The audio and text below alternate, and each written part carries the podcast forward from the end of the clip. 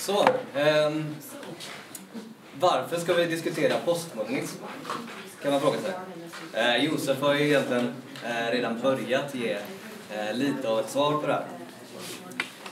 Eh, vissa skulle nog invända mot en diskussion om postmodernism att eh, det där var idéer som hade sin storhetstid på 70, 80 och 90-talet. Eh, men det är inte idéer som är dominerande idag. Det, behöver, det finns inget behov att diskutera dem idag.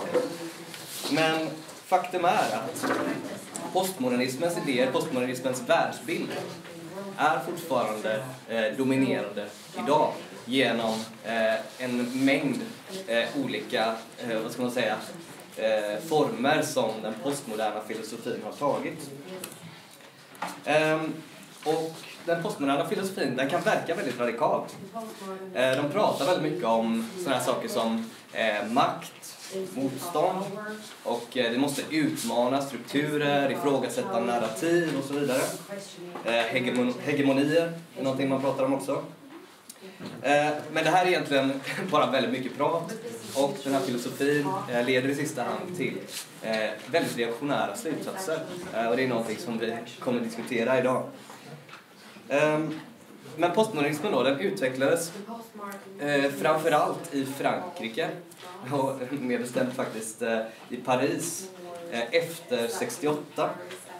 Ehm, och det var ingen slump egentligen utan Eh, det nederlaget som arbetarklassen och massorna led i revolutionen som skedde i maj 1968 var en viktig impuls för den postmoderna filosofin.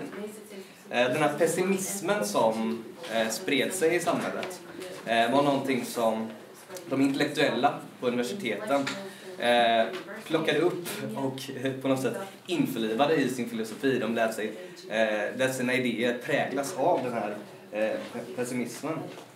Eh, och den filosofin som växte fram, som vi kan kalla för postmodernismen, eh, den blev just väldigt cynisk, eh, Eh, väldigt pessimistisk eh, och rakt igenom antivetenskaplig faktiskt. Ehm, hon uttalade sig direkt emot all form av vetenskap. Ehm, en svårighet med att börja diskutera postmodernism det är att eh, många som kanske eh, ser till postmodernismen, som är influerade av postmodernismen och så, eh, skulle, skulle hävda att ja, men postmodernismen eh, går inte att definiera. Den är alltför komplex eh, och eh, den kan inte eh, inlämnas eh, inom liksom, eh, en definition sådär. Ehm, men eh, faktiskt så ger Lyotard som var en av de här franska postmodernisterna ehm, och som var den första som faktiskt använde ordet postmodernism, i alla fall så, så vad, ska man säga, har han fått eh, erkännande för det. Att vara den första som använder termen postmodernism i ett filosofiskt sammanhang. Det har förekommit tidigare inom konst, inom eh, sociologi och så vidare, men han är den första som använder det inom filosofin. Han ger faktiskt en definition av postmodernismen. Eh, han säger att eh, Postmodernism är misstro mot metaberättelser, eller metanarrativ. Eh, det här kan man fundera lite på vad det betyder. Jag tror inte det är uppenbart om man hör det för första gången vad det betyder. Eh, och det borde nog inte vara det. Eh, men jag, jag, ska försöka förklara vad det är helt enkelt. Och en metaberättelse är en typ av perspektiv eh, som man grundar på allmänna slutsatser, på generaliseringar. Um, så med andra ord kan man säga att postmodernisterna de vill till varje pris undvika varje form av generalisering. Uh, man ska inte påtvinga någon annan ett visst perspektiv. Man ska inte heller påtvinga sig själv ett visst perspektiv genom den här typen av stora berättelser som metanarrativ eller metaberättelser är. Stora berättelser om historien och samhället och sådär. Eh, men eh, är man uppmärksam så kan man faktiskt notera att den här definitionen i sig är en metaberättelse. Det är ganska roligt faktiskt. Eh, för att, att säga att man inte får prata om generaliseringar, att säga att man inte får generalisera, det är naturligtvis en av de grövsta generaliseringarna man kan göra och ett av de mest, vad ska man säga, inskränkta perspektiven man kan ta på mänsklig kunskap. Ehm, och postmodernismen är faktiskt full av den här typen av självmotsägelser där man eh, säger en sak och, och, så gör man en helt annan sak i, i nästa mening. Um, men den här misstron mot eh, metanarrativ eh, där utesluter varje enhetligt perspektiv och eh, vetenskap blir då i sig också bara ett perspektiv av många. Um, framförallt så kan man säga att postmodernismen utesluter genom den här definitionen eh, marxismens historiesyn. Eh, eftersom det är på något sätt den största berättelsen som man kan tänka sig eh, om, om verkligheten. Um, och postmodernismen är ett direkt frontalangrepp på marxismen. De hittar hela sitt existensberättigande i att attackera marxismen och de lägger väldigt mycket tid och energi på att kritisera just eh, marxismen. Foucault, som är liksom en av de mest kända och, och inflytelserika filosoferna som hör till den här postmoderna traditionen, eh, han sa att eh, det som har hänt sedan 1968 och vad som kan sägas vara förutsättningen för 1968 är i grunden antimarxism. Eh, och det här speglar egentligen vad alla de här postmoderna filosoferna tyckte och tänkte. Eh, ibland så, när man pratar om postmodernism, så syftar man på ett fåtal tänkare Eh, som eh, blir eh, inflytelserika i Frankrike precis vid den här tiden efter 1968, under 70 och 80-talet och sådär. Ehm, bland annat så pratar man om de här poststrukturalisterna, som de kallas. Det är inte ett ord ni behöver lägga på minnet sådär, men som inkluderar Foucault och Derrida. Ehm, och även mer uttalat postmodernistiska, som Lyotard. Men som marxister så ser vi postmodernismen som lite bredare än så. Inte bara utifrån de som själva definierar sig som postmodernister och sådär. Utan som en del av en filosofisk trend som sträcker sig ända väg, hela vägen tillbaka till 1800-talet. Um, ehm, som vi kan egentligen kalla en antivetenskaplig eh, trend inom eh, filosofin. Eh, och det finns två huvudsakliga anledningar till att eh, den här antivetenskapliga eller irrationella filosofin växer fram. Eh, den första är att på 1900-talet så hade vetenskapen Eh, utvecklats till, en sån, till den punkt att verkligheten verkade väldigt, väldigt komplicerad och motsägelsefull. Eh, och i det här sammanhanget eh, så slutade filosoferna att försöka beskriva verkligheten som enhetlig. Eh, och ehm, man gav upp helt enkelt. Ehm, och poängen är att för att beskriva en värld som präglas av eh, motsäg motsägelsefulla tendenser, av motsatser, eh, av klasskamp och så vidare. Eh, och för att liksom förstå eh, och sätta i ett sammanhang alla de resultat som naturvetenskapen har gjort, som samhällsvetenskapliga forskningen har gjort och så vidare, så behöver man en filosofi som Eh, kan förklara motsatser eh, och som inte försöker utesluta motsatser utan som faktiskt eh, gör det till en del av filosofin. Och det är precis vad marxismens filosofi gör. Ehm, så man kan säga att det här gjorde att den borgerliga filosofin kastades tillbaka till att bara utgå ifrån individen igen. Man slutade försöka förklara samhälleliga fenomen och sådär och utgick bara ifrån individen. Ehm, tidigare så hade en, den borgerliga individualismen präglats av en optimism till följd av liksom den enorma samhällsutveckling som skedde efter de borgerliga revolutionerna och industrialiseringen och så. Ehm, men eh, här någon gång, eh, liksom i slutet av 1800-talet och sen som en trend genom 1900-talet så blir den här borgerliga individualismen och den här individualistiska filosofin på universiteten eh, väldigt pessimistisk, väldigt cynisk och så vidare. Ehm, och den andra anledningen som jag ska komma till nu då eh, är kanske ännu viktigare. Eh, och det är att eh, arbetarklassen vid den här tiden hade växt fram och inte bara det, den hade också börjat organisera sig på en allt högre nivå genom fackföreningar, genom partier och så vidare. Och de hade också sin egen ideologi som var marxismen. Och för, ehm, för alla som liksom, eh, tillhörde reaktionens läger som ville försvara eh, borgarklassen gentemot arbetarklassens självständiga eh, organisering så blev det en nödvändighet att attackera marxismen. Och eftersom marxismen var en konsekvent försvarare av all vetenskap, all verklig vetenskap, så var de också tvungna att gå till angrepp på eh, vetenskapen överhuvudtaget. Så man kan säga att på samma sätt som eh, de borgerliga ekonomerna vände sig bort ifrån David Ricardo och eh, Adam Smith för att deras eh, teorier om arbetsvärdeläran och sådär eh, direkt leder fram till Marx ekonomiska teorier eh, och eh, ja, till marxismen. Så kan man säga att Hegels filosofi, Hegels dialektiska filosofi leder fram också till Marx. Marx tog hegelianismen liksom till sin logiska slutsats eh, och därför så eh, övergav många filosofer också Hegel och sökte efter alternativ till, till Hegel. Um, och det här behovet av att misskreditera marxismen uttrycks egentligen bäst genom eh, Nietzsche, som var en extremt reaktionär filosof. Um, och han ansåg i princip att eh, den härskande klassen eh, måste krossa arbetarklassen eh, och med det liksom, idén om eh, jämlikhet och så vidare.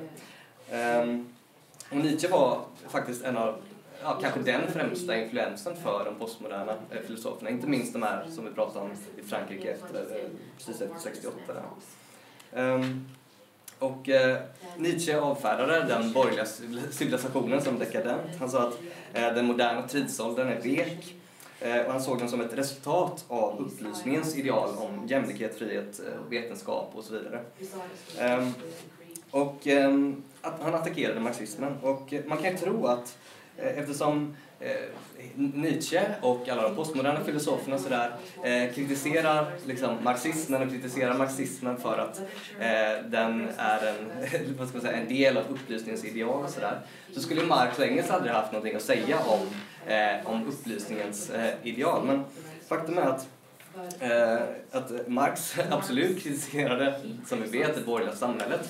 Och för Marx var inte eh, kapitalismen Eh, och det borgerliga samhället en realisering av förnuftets ideal, eh, utan ett bestämt stadie i den historiska utvecklingen av produktivkrafterna.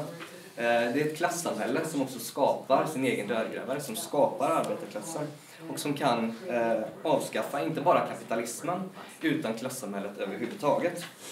Och för Nietzsche då, å andra sidan, han avvisade helt liksom, historien, historisk utveckling och sådär. Ehm, förnekade att historisk utveckling var omöjligt överhuvudtaget eh, och såg historien enbart som olika former av eh, härskande som på något mystiskt sätt avlöste varandra. Um, och eh, han avfärdade liksom möjligheten att avskaffa förtryck och utsugning eh, överhuvudtaget. Um,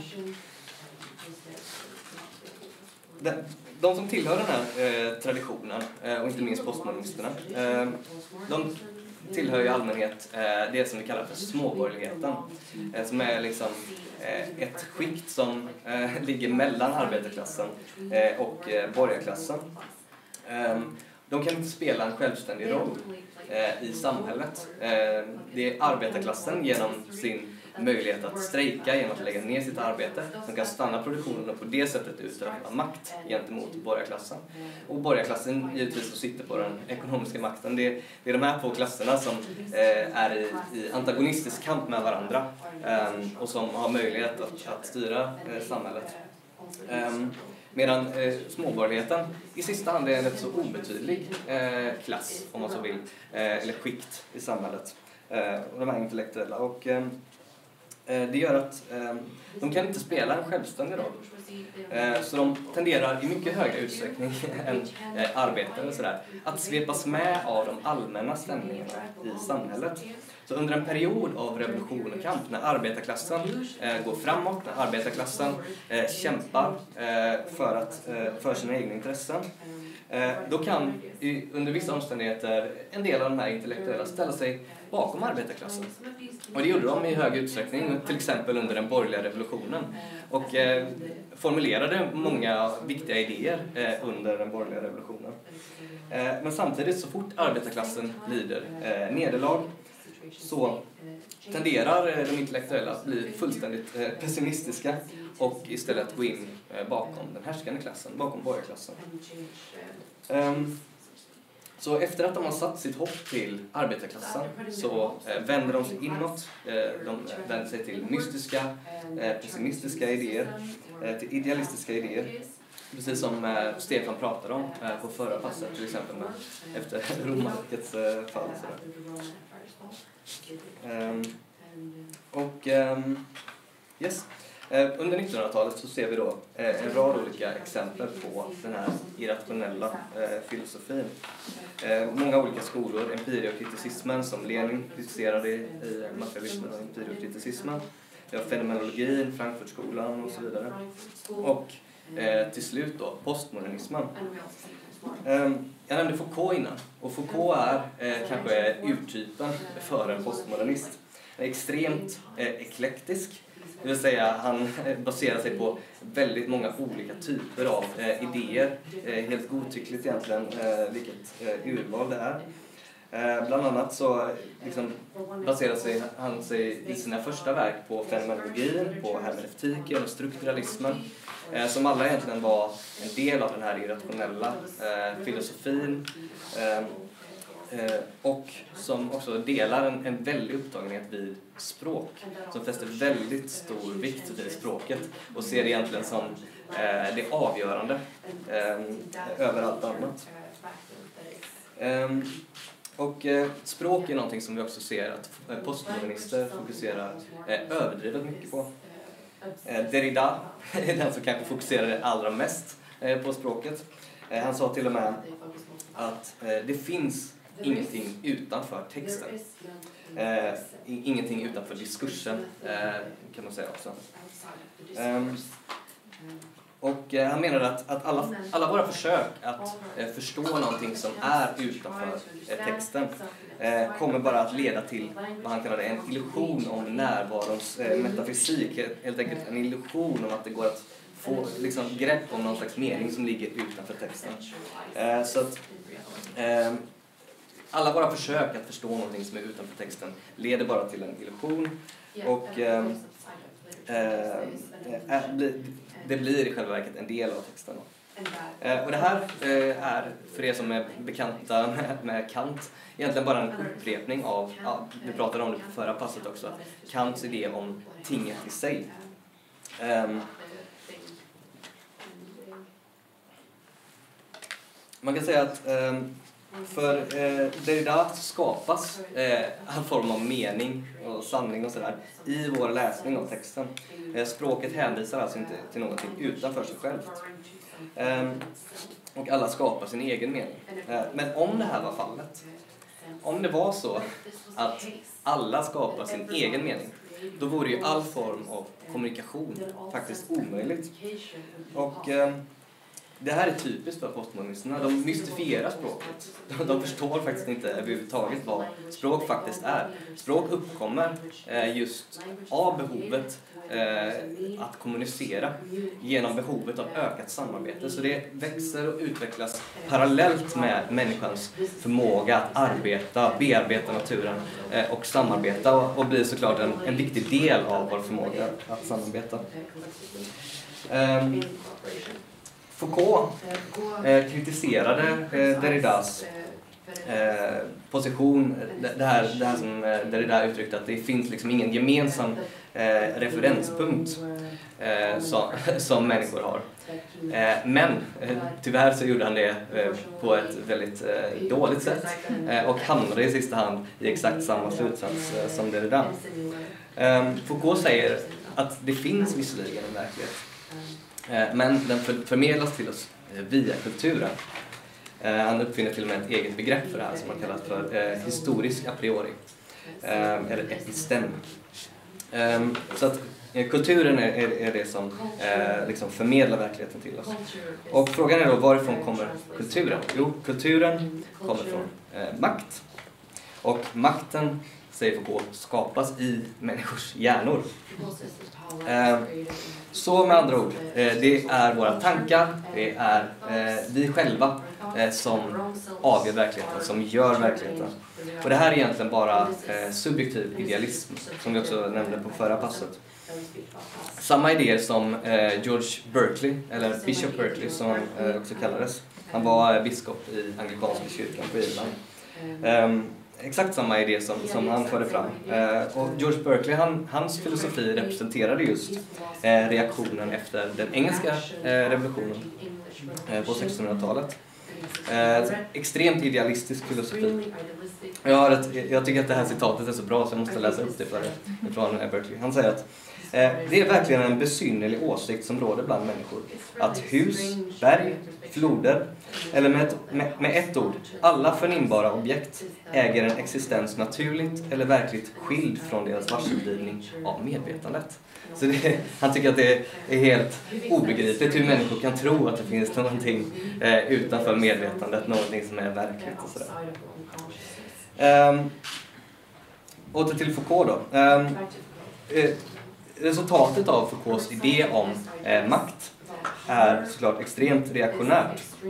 Eh, makt, enligt Foucault, kan inte spåras tillbaka till en underliggande eh, mekanism eller källa som kapitalismen eller klassamhället överhuvudtaget eller en härskande klass. Ehm, och han menar att det är missvisande överhuvudtaget att prata om sådana saker som klassförtryck eller kvinnoförtryck eller eh, rasism. Utan makten tar istället oändligt många olika former eh, och den gör det på eh, mikronivå. Eh, han säger att makten visserligen använder sig av eh, repression. Eh, makten använder sig till exempel av eh, säga, fängelser, av eh, liksom, polisrepression. Eh, den använder sig även av eh, liksom, institutioner som mentalsjukhus, skolor och så vidare räknar han hit. Och sådär.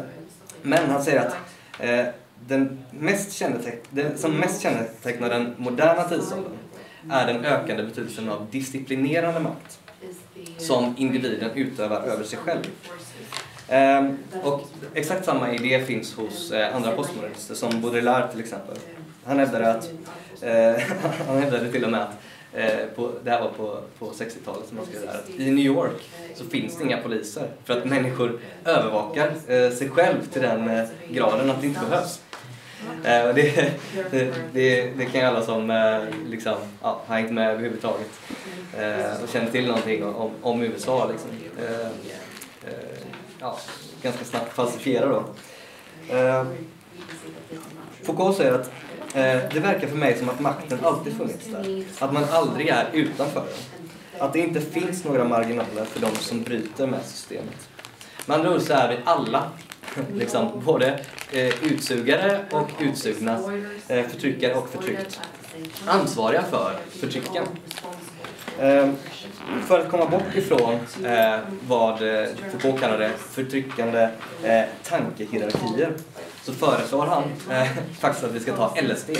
Det, den här typen av grepp är liksom det enda som postmodernister kan komma på för att på något sätt komma runt det här faktumet att vi alla är en del av att skapa makt. Makt skapas i alla våra hjärnor och vi är alla en del av, av eh, att skapa förtryck och så vidare. Så ska vi helt enkelt bara liksom eh, anamma och liksom försköna eh, det kapitalistiska samhällets mest barbariska uttryck som drogmissbruk och sådär och använda det på något sätt i, i våran eh, kamp mot eh, förtryck. Eh, postmodernismens idealistiska filosofi säger att, att allting är eh, subjektivt, att allting beror på eh, vårt eh, individuella perspektiv. Eh, och som marxister så förnekar inte vi eh, subjektivitet. Eh, vi inser såklart att varje människans eh, perspektiv är begränsat. Eh, men genom interaktion med andra människor.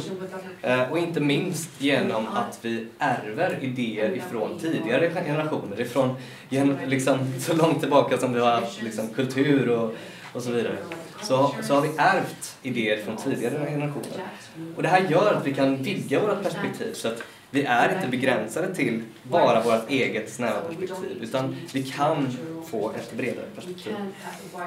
Eh, och Postmodernisterna säger å andra sidan att ja, men, eh, idéer är det bestämmande och, och, och, vi kan faktiskt bara välja och vraka eh, godtyckligt mellan idéer och forma våra idéer som vi vill. Eh, de säger också att det finns inga idéer som är mer korrekta än andra idéer. Eh, förutom då postmodernisterna såklart, vilket ni kanske har fattat vid det här laget. de, de säger att det finns ingen utveckling eh, överhuvudtaget förutom när postmodernismen uppfanns. Och sen finns det aldrig mer utveckling. Um, ehm, eh, så de, av den här anledningen så avfärdar de ju vetenskap som dogmatisk. Eh, men det, det, är ju faktiskt väldigt dogmatiskt det de själva säger, att, när de tror att allt eh, verkligt tänkande började med dem. Vi säger inte att allt tänkande började med oss, med marxister. Eh, tvärtom så liksom, försvarar vi våra idéer för att det är de bästa idéerna som mänskligheten har utvecklat genom tusentals år av historia. Eh, våra idéer är eh, abstraktioner. Det är generaliseringar eh, av fenomen i den verkliga världen. Eh, och ehm, ehm som marxister säger att vi, vi lever i eh, en materiell verklighet. Det är en, en verklighet, vi, kallas, eh, vi säger att vi är monister av den anledningen. Ehm, och den här verkligheten existerar oavsett om vi observerar den eller inte. Eh, vi säger också att det går att få kunskap om den här verkliga världen. Eh, att vi kan utveckla idéer som överensstämmer med verkligheten. Eh, den externa verkligheten, det mänskliga medvetandet är såklart en del av verkligheten. Och ehm, människan genom en lång och mödosam process eh, kan få eh, bättre och bättre idéer om hur, eh, hur världen fungerar. Ehm, till exempel så är eh, idén om att eh, solen eh, roterar runt jorden, det var ju en idé som, som, som man hade förr. Eh, det är ju faktiskt en bättre och mer korrekt idé än att natt och dag skulle bestämmas av eh, olika gudar och sådär. Men självklart så är idén att jorden roterar runt solen en mer korrekt idé som, vi har liksom kommit på senare. Eh, och de här idéerna kan vi ju pröva i verkligheten. Vi kan blicka ut mot stjärnhimlen med ett teleskop. Eh, vi kan till och med skicka ut eh, raketer i rymden och, och eh, på, eh, om det hade, inte hade stämt att eh, liksom, jorden roterar runt solen så hade vi upptäckt det ganska snart. Så vi kan pröva våra idéer i verkligheten. Um, och um, så jag sa innan att eh, eh, liksom våra, våra idéer är eh, eh generaliseringar. Eh, postmodernisterna säger att generaliseringar i sig är förtryckande. Eh, men generaliseringar är faktiskt det främsta kännetecknet för mänskligt tänkande överhuvudtaget.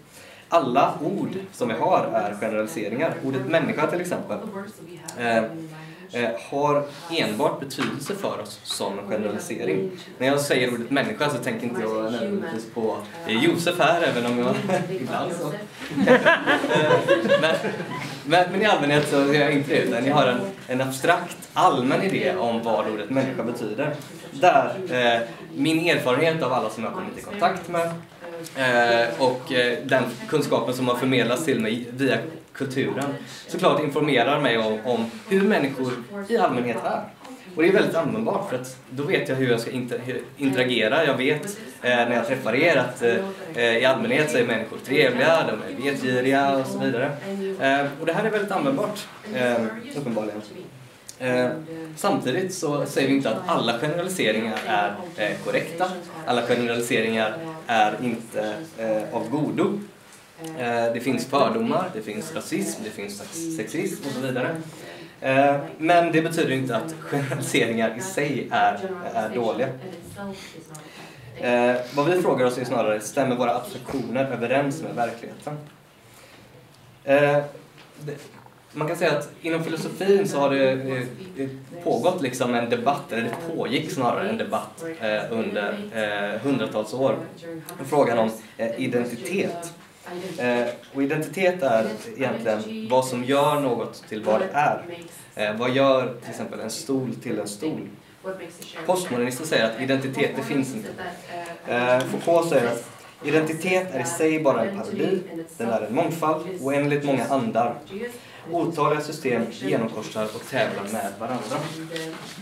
Eh, han säger är alltså att eh, ingenting är eh, en, en sak. Eh, allting består av oändligt många saker, eh, oändligt många eh, skillnader. Skillnader är ett sånt här begrepp som de återkommer till eh, frekvent och de, de betonar det väldigt, väldigt starkt.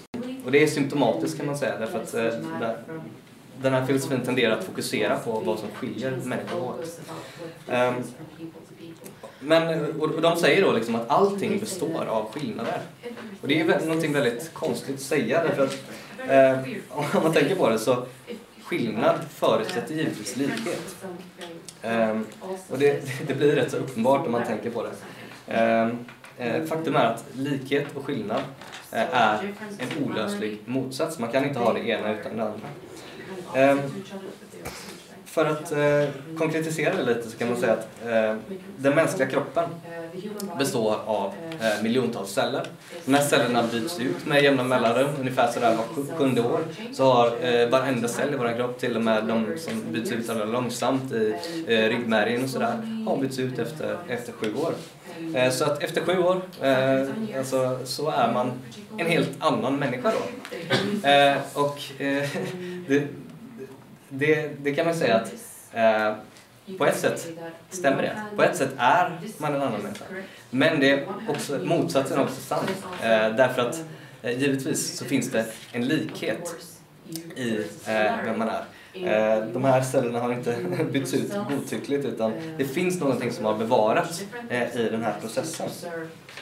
Ehm, och ehm, så allting består av eh, den här typen av, av motsättningar kan man säga.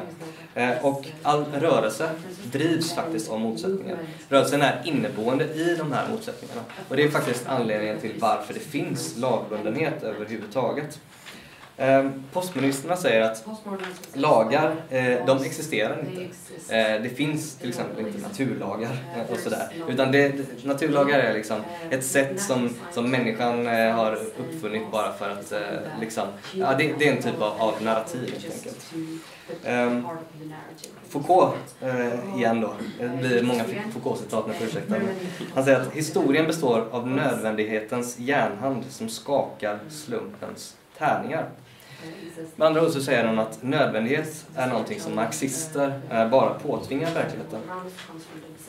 Ehm, istället för en enhetlig teori om historisk utveckling som marxismen eh, så eh, plockar Foucault upp Nietzsches idé om att göra så kallade genealogier som helt förnekar utveckling. Och ehm, hos Foucault så blir de här genealogierna istället försök att spåra ursprunget, eller vad, ska man, vad man ska kalla det, eh, för specifika institutioner eh, och olika former för diskursen. Då. Eh, och det blir, kan man säga, till en, en naken maktkamp, för att uttrycka det med hans ord. Ehm, där det inte finns någon form av utveckling. Eh, I, eh, i ett, en av sina böcker så skriver Foucault att eh, kategorier av diskontinuitet och skillnad, begrepp som tröskel, bristning och transformation, som en beskrivning av serier och gränser, i kontrast till begrepp som kontinuitet, tradition, influens, utveckling och evolution. Det är Eh, att göra en genealogi. Då, liksom. Så här kan vi se, bara för att liksom, betona, hur, hur de fokuserar på allting som, eh, på skillnad, på, på brott, på, eh, och, och förnekar kontinuitet och influens överhuvudtaget. Um, och eh, Foucault säger också att genealogisk eh, historia ska notera händelsernas särskildhet och bevara deras spridning. Vi ska inte eh, förstå historien. Eh, vi ska inte eh, upptäcka generella lagar, inga likheter och sådär. Ekonomin finns inte, samhället finns inte, eh, klasser existerar inte och så vidare. Eh, kapitalismen är i sig bara en eh, berättelse eller ett narrativ. Eh, vi säger att kapitalismens inre motsättningar av nödvändighet Eh, kommer att leda till kriser. Eh, och det, det är någonting som vi ser gång på gång, eh, korrektheten i den idén. Ehm, vi säger också att de här kriserna kommer att leda till massarbetslöshet och ökat lidande för massorna internationellt. Ehm, men vi säger också att det här är fallet om kapitalismen inte avskaffas. Med andra ord så har vi inte en mekanisk uppfattning av liksom historien. Ehm, vi säger att människor kan påverka historien. Eh, den, är inte bara, eh, den är inte helt mekanisk. Eh, Marx uttryckte det här eh, på ett bra sätt eh, när han säger att människorna gör själva sin historia. Men de gör den inte efter eget gottfinnande, inte under omständigheter som de själva valt, utan, eh, utan under omständigheter som är omedelbart för handen givna och redan existerande. Vad han säger är att genom att förstå verkligheten så kan vi eh, förändra den, vi kan avskaffa kapitalismen. Eh, trots att Foucault eh, avvisar utveckling, avvisar generaliserande eller totaliserande, som man ibland säger, begrepp som klass och kön och sådär, och en sammanhängande historiesyn överhuvudtaget så pratar Foucault om ett historiskt brott med övergången till den moderna världen. Och det här är ju väldigt motsägelsefullt. Att å ena sidan förneka historisk utveckling och i nästa stund säga att det finns, eh, eller det har skett utveckling. Liksom. Ehm, och eh, det här den här övergången skedde då enligt Foucault eh, efter den franska revolutionen 1789. Och eh, när han pratar om liksom, och försöker beskriva det samhället som eh, på något sätt magiskt har uppstått efter 1789 så är det inte med någon hänvisning till kapitalismen, inte med någon hänvisning till förändringar i produktionssättet eh, utan enbart utifrån idéer, upplysningens idéer specifikt. Då. Eh, och det här att eh, liksom först förneka eh, historisk utveckling och sen eh, liksom använda sig av den, så att säga. Eh, det är någonting som eh, många av de här postmodernisterna gör, alla mig veterligen. Eh, och även då eh, Lyotard och eh, Baudrillard som var två eh, postmodernister i Frankrike 68. Eh, Baudrillard, Baudrillard då, han attackerade också marxismen, förnekade utveckling och sa att idén om produktion och utveckling är någonting som marxister påtvingar den cykliska verkligheten. Och den här idén om den cykliska verkligheten, alltså en verklighet som bara upprepar sig, eh, det är någonting som, som är en väldigt märklig idé, men den kommer från eh, Nietzsche från början. Om, eh, han, han kallar det för den oändliga upprepningen. Ehm, och samtidigt då så säger Baudrillard på ett väldigt bombastiskt sätt att en revolution har ägt rum av lika stor betydelse som den industriella revolutionen. Nu bestäms den globala kapitalismen inte av produktion utan av reproduktion. Av mode, media, publicitet, information och kommunikationsnätverk. Eh, det är lite oklart exakt när den här revolutionen har ägt rum, men någon gång, man får förstå att det är någon gång under efterkrigstiden, alltså efter andra världskriget som den här eh, revolutionen har ägt rum. Då. Och eh, Baudrillard menar att eh, numera så lever vi i en hyperverklighet. Eh, jag ska förklara vad det här är, eh, för det är nog inte uppenbart. Eh, så istället för att, eh, för att våra idéer på ett mer eller mindre eh, exakt sätt överensstämmer med verkligheten så menar Baudrillard att världen består av idéer, eller bilder då, som man säger, eh, av en icke-existerande verklighet. Eh, där resultatet blir, det här är ett citat då, Inga subjekt, ingen brännpunkt, centrum eller periferi. Inget våld eller övervakning, bara information, hemliga virus, kedjereaktioner, långsam implosion och avbilder av rum där verklighetseffekter verkar. Det är väldigt, eh, det är väldigt apokalyptisk och dystopisk bild som man får om man läser eh, Baudrillard. Det är liksom typiskt för, för eh, hans, eh, hans tänkande. Ehm, han menar att ehm, numera så existerar inte ideologi längre. Ehm, masskultur, som till exempel Disneyland är ett exempel som man tar upp, tv-såpor och så vidare. Det har blivit en del av den här hyperverkligheten som, alla, som vi alla lever i. Och eh, allt det, här, ja, allt det här har blivit en del av verkligheten och är lika verkligt som, som någonting annat. Och den enda ideologin som fortfarande existerar, säger Baudrillard, är idén om en verklighet och en sanning. Ehm, han säger att vi lever numera ett kallt universum där massorna har förvandlats till passiva objekt. De möts inte längre utan samexisterar bara som tv-tittare framför en tv. Ehm, och den här hyperverkligheten då, som han pratar om, den är resultatet av eh, vad de kallar för det postindustriella samhället. Det är en idé som blev väldigt populär inom sociologin eh, under den här perioden. Eh, bland annat genom personer som eh, Daniel Bell och eh, André Gortz. Eh, André Gortz skrev 1980 en bok som heter eh, Farväl till arbetarklassen där han argumenterar för att arbetarklassen inte existerar längre. Ehm, och eh, enligt Daniel Bell då, eh, så kännetecknas det postindustriella samhället av ett skifte eh, från produktion till en tjänsteekonomi, alltså en, en ekonomi som helt och hållet domineras av, av tjänstesektorn.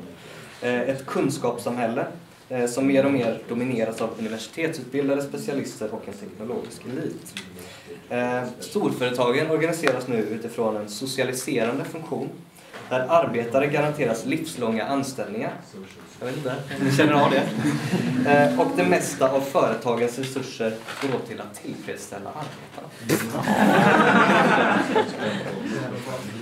Så det här är uppenbarligen liksom inte en världsbild som eh, särskilt många håller med om. Det här är ju en världsbild som präglar småborgerlighetens eh, värld. Eh, de, läm- de behöver inte lämna seminarieutrymmen eh, eh, när de eh, eh, liksom tänker ut de här eh, idéerna. Ehm, och ehm, det är ett resultat av att de har isolerat sig från samhället till den grad att de tror att arbetarklassen existerar inte längre.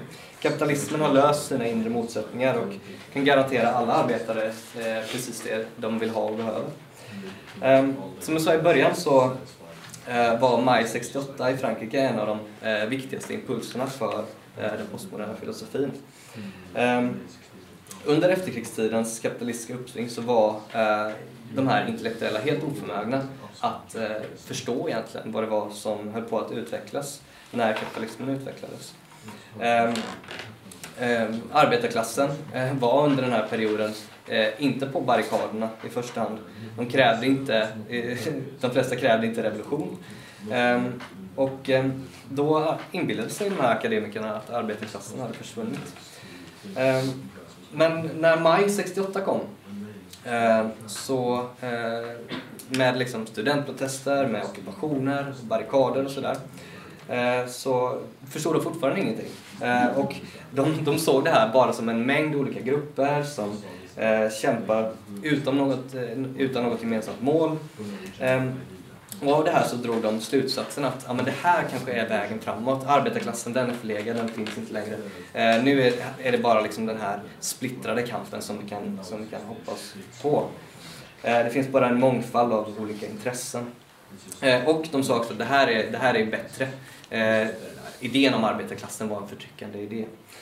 Eh, men i allt det här, när de säger att studentprotesterna och sådär, det visar att liksom, ja, men det här är vägen framåt för kampen, så ignorerar de en väldigt, ett väldigt viktigt faktum. Och det är att maj 68 var den största generalstrejken i historien med 10 miljoner arbetare ute i strejk i Frankrike. Eh, och efter 68 så fick klasskampen ett eh, globalt uppsving. Eh, det största eh, på eh, flera decennier. Eh, och eh, bland annat då, eh, ja, särskilt efter oljekrisen 73. Eh, I Västeuropa så såg man eh, det största eh, uppsvinget av klasskamp på decennier. Eh, vi hade den heta hösten i Italien 69, eh, strejkvågen i Storbritannien 70-74, portugisiska revolutionen eh, 74-75, eh, klasskampen i Spanien mot Francos diktatur 74-75. Eh, och det var samma sak runt om i världen. Cordobasa i Argentina, du hade en generalstrejk i, i Quebec 1972. Eh, och postmodernisterna ignorerar helt det här. De ignorerar all den här klasskampen som sker. Eh, jag ska läsa ett par Baudrillard-citat till. Bear with me, så att säga. Ehm, I skuggan, eh, det här är en bok om honom, I skuggan av den tysta majoriteten från 1978, precis efter alla de här rörelserna, så skriver han Efter många revolutioner och 200 år av politisk lärotid, trots tidningarnas, fackföreningarnas, partiernas och de intellektuellas energi som lagts på att skola och mobilisera folket, är det fortfarande bara, och det kommer fortsätta vara likadant om 10 eller 20 år, ett tusental personer som reser sig och 20 miljoner som förblir passiva massornas likgiltighet. Och här syftar han på att eh, han, han menar att massorna är mer intresserade av att titta på fotboll än, än att följa politiken. Eh, massornas likgiltighet är deras verkliga, deras enda praktik. Eh, det finns inget annat ideal i dem att hoppas på, inget att förfasas över. Eh, detta är, det är detta brutala faktum. En kollektiv hämnd och en vägran att delta i de rekommenderade idealen, hur upplysta de än är. Så med andra ord så liksom, romantiserar han eh, passiviteten eh, och ser det liksom, eh, som, som massornas verkliga uttryck. Det är så här massorna egentligen är. Eh, de ignorerar den kamp som pågår och romantiserar den här likgiltigheten och passiviteten. Eh, Idag eh, när eh, kapitalismen avslöjar sig på punkt efter punkt, när fattigdomen ökar, när kapitalismen är helt oförmögen att förse fattiga länder med coronavaccin, eh, när rasismen ökar, då säger postkommunisterna att vi ska avstå från all gemensam kamp eh, för att den är förtryckande. Ehm, och de här dåliga idéerna är inte bara oskyldiga misstag utan det är inte bara en abstrakt filosofi ehm, som inte kan göra någon skada. Eh, de attackerar eh, all vetenskap eh, och kunskap är deras värsta fiende. De har ett fullkomligt förakt för arbetarklassen och mest av allt hatar de socialismen. De säger att de kritiserar modernismen, postmodernismen då. Och i det inkluderar de både marxismen och liberalismen. Men i själva verket så eh, fokuserar de helt ensidigt på marxismen Eh, de upprepar egentligen bara exakt eh, vad, eh, den liberala, eh, vad liberalerna säger. Eh, de säger att vi lever i den bästa av världar, det är omöjligt att förändra världen. Ehm, och och vissa av de här postmodernisterna, som Richard Rorty som är en amerikansk postmodernist, han, han säger att ja, han är stolt liberal, eh, eh, liberal och, och liksom ser att ja, de här idéerna överensstämmer helt med liberalismen. Eh, vi kan titta lite på eh, vilka politiska slutsatser som, eh, som de här filosoferna drar. Foucault då, eh, som vi har sett, eh, förklarar att eh, makten finns överallt. Eh, vilket då borde göra att kamp är helt meningslöst. För hur kan man kämpa om man själv är en del av problemet? Eh, men trots det här så, så hävdade han att istället för de här eh, dominerande maktdiskurserna som man pratar om då, eh, så ska vi eh, förlåt, återaktivera lokal kunskap. Eh, en annan filosof som heter Deleuze kallar det här för en mindre eh, kunskap. Eh, Eh, så de är inte helt emot generaliseringar. De är bara emot en viss typ av generaliseringar. De framhäver sina egna generaliseringar.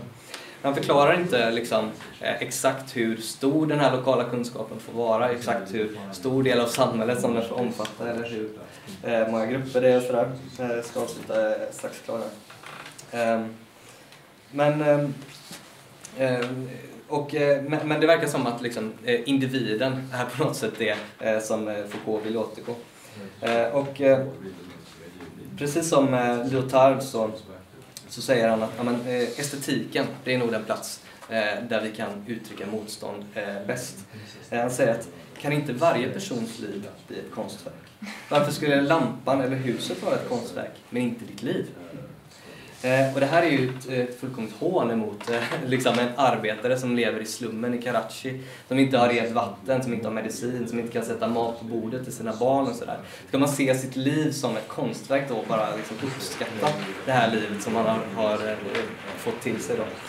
Eh, det är ett fullkomligt hån. Ehm, jag ska jag hoppar lite så att eh, jag tillfredsställer herr ordförande här. Men, ehm, Ehm, men slutsatserna av den här filosofin är helt enkelt extremt eh, reaktionära.